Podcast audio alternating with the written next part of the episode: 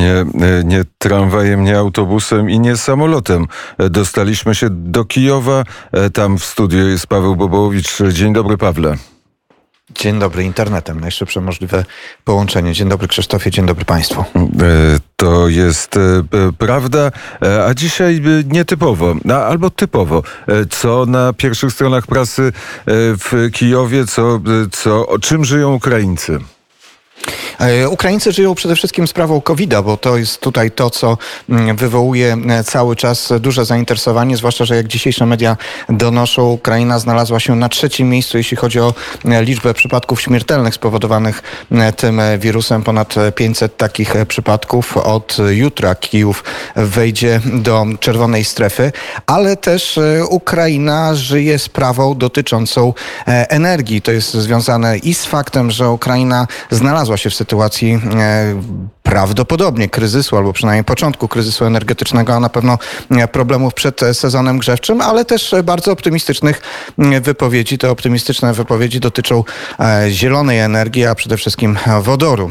Według optymistycznego scenariusza do 2024 roku Ukraina może rozpocząć eksport wodoru produkowanego z odnawialnych źródeł energii do Unii Europejskiej. Tak powiedział minister spraw zagranicznych Ukrainy Dmytro Kuleba wczoraj o tym informował poinformowała agencja Interfax.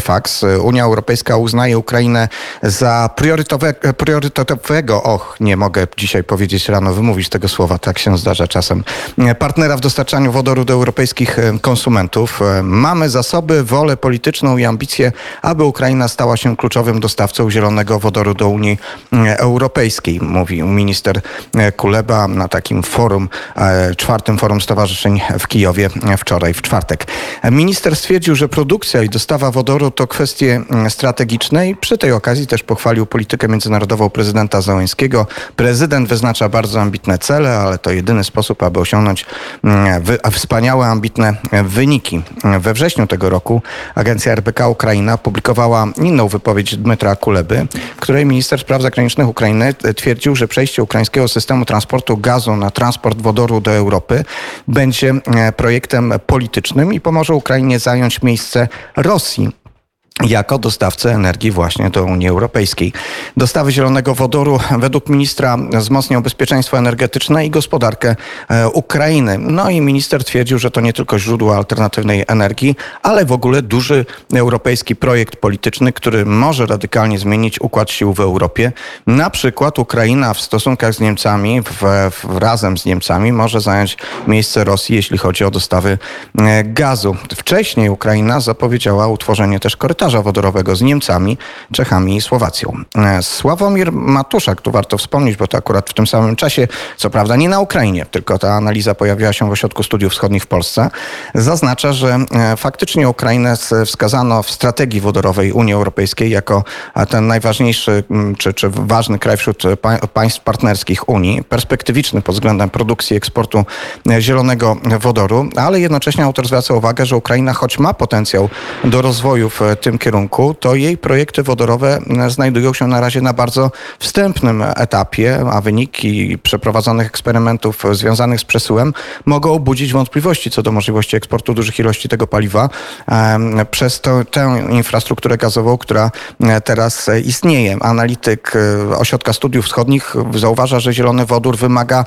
inwestycji, których Kijów sam nie zrealizuje, a źródło ewentualnych środków z zagranicy pozostaje niejasne. Jednocześnie perspektywy czasowe realizacji inwestycji, te, które e, zauważa i określa analityk OSW, e, to dekada albo dłużej. A przypomnę, że zacząłem od zdania e, w wypowiedzi ministra Kuleby, który mówi o tym, że wodór miałby popłynąć infrastrukturą obecnie gazową do Unii Europejskiej już w 2024 roku, czyli raczej według analityka OSW to jest niemożliwe. No, ale faktycznie w ostatnich miesiącach temat wodoru na Ukrainie bardzo często jest powtarzany i podejmują go niemieccy politycy, dyplomaci i media. Jak mówi analityk, jak pisze analityk, e, wskazuje się w nim alternatywę dla e, tranzytu e, gazu. Może warto dodać, że zielona energia już stanowi w tym momencie ponad 13% wszystkich mocy zainstalowanych na Ukrainie. Rzeczywiście to wodorowi towarzyszy duże zainteresowanie też przedsiębiorstw. Ponad 20 ukraińskich przedsiębiorstw dołączyło do Europejskiego Sojuszu na rzecz czystego wodoru, ale wśród tych przedsiębiorstw przedsiębiorstw i to też należy podkreślić, są też ukraińscy oligarchowie. Wodorem jest zainteresowany i Rinat Achmetow i Dmytro Firtasz. No, autor analizy zwraca jeszcze uwagę na jeszcze jedną wa ważną rzecz, mianowicie, że problemem jest kwestia transportu wodoru, ale też jego przechowywanie, chociaż Ukraina ma potężne zbiorniki, w których w tym momencie trzyma gaz, no to nie wiadomo, czy one jednak będą nadawały się do tego, żeby można było nich trzymać wodór. A tak jak wspomniałem, Ukraina na razie zmaga się z kryzysem energetycznym bieżącym. Wskazuje się, że jego przyczyną są głównie zbyt małe zapasy węgla i awaryjność infrastruktury energetycznej. Jak to będzie wyglądać zależy też od tej przyczyny, czy od tego, od tych okoliczności, które są niezależne, czyli od pogody. No na pewno jest jedna osoba, która ma teraz dobry, dobry nastrój. Ukraińskie media cytują wczorajszą wypowiedź Władimira Putina. Putin stwierdził, że pierwsza nitka gazociągu Nord Stream 2 jest już gotowa na dostawy gazu do Europy, a druga zostanie wypełniona gazem w grudniu bieżącego e, roku. Prezydent Federacji Rosyjskiej dodał, że wypełnienie gazem tej drugiej nici Nord Stream 2 zakończy się w połowie e, grudnia i stwierdził, pozytywnie odpowiedział na pytanie, że Rosja jest gotowa dostarczać większej ilości gazu na rynek europejski, jeśli wyrazi na to zgodę niemiecki regulator, a dostawa mogłaby się już rozpocząć e, pojutrze. No i przypomnę może jeszcze, że to wszystko dzieje się w tym samym czasie, gdy ceny gazu w Europie e, rosną, a premier Mateusz Morawiecki e, w Brukseli zwrócił uwagę, że jest to wynik i szantażu gazowego Rosji i manipulacje rynkowe Gazpromu, który wstrzymuje dodatkowe dostawy wolumenów gazu do Europy, windując ceny surowca. Bo przecież musi skądś pozyskać pieniądze, żeby być sponsorem Ligi Mistrzów, a ceny E, energii na Ukrainie rosną? Czy e, Ukraińcy e, mogą myśleć o tym, że te ceny będą stabilne, bo Ukraina nie musi realizować wszystkich wielkich założeń reformatorskich Unii Europejskiej?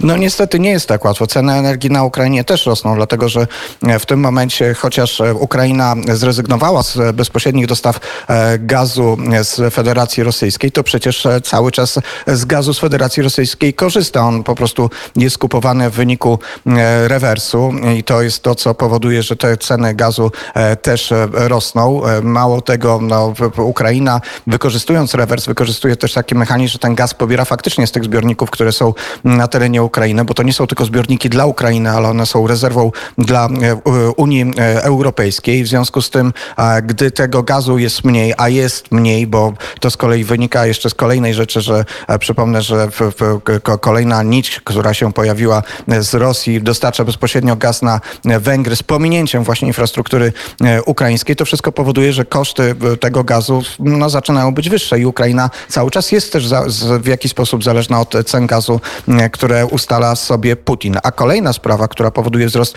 e, energii elektrycznej, no to są ceny z kolei związane, ceny węgla. W momencie, kiedy Ukraina nie zgromadziła odpowiedniej e, ilości węgla, jest zmuszona do kupowania węgla na e, rynkach europejskich. Wczoraj oglądałem taką dyskusję energetyczną. Tam z kolei eksperci zwracali uwagę na to, że z kolei na świecie węgiel został wykupiony głównie przez Chiny. Jego ceny też rosną, a to oznacza, że oczywiście energia elektryczna też będzie droższa. Także Ukraina pozostając poza e, tym bezpośrednio jakby systemem Unii Europejskiej wcale nie oznacza, że będzie miała ceny na energię niższe. Pawle, życzę Ci miłego dnia i bardzo dziękuję za korespondencję z Kijowa. E, też serdecznie dziękuję. Możemy się cieszyć, że w Kijowie dzisiaj jest 14 stopni, a ma być nawet 16. 14 e, do 8, bo w Warszawie rano było 8 stopni Celsjusza.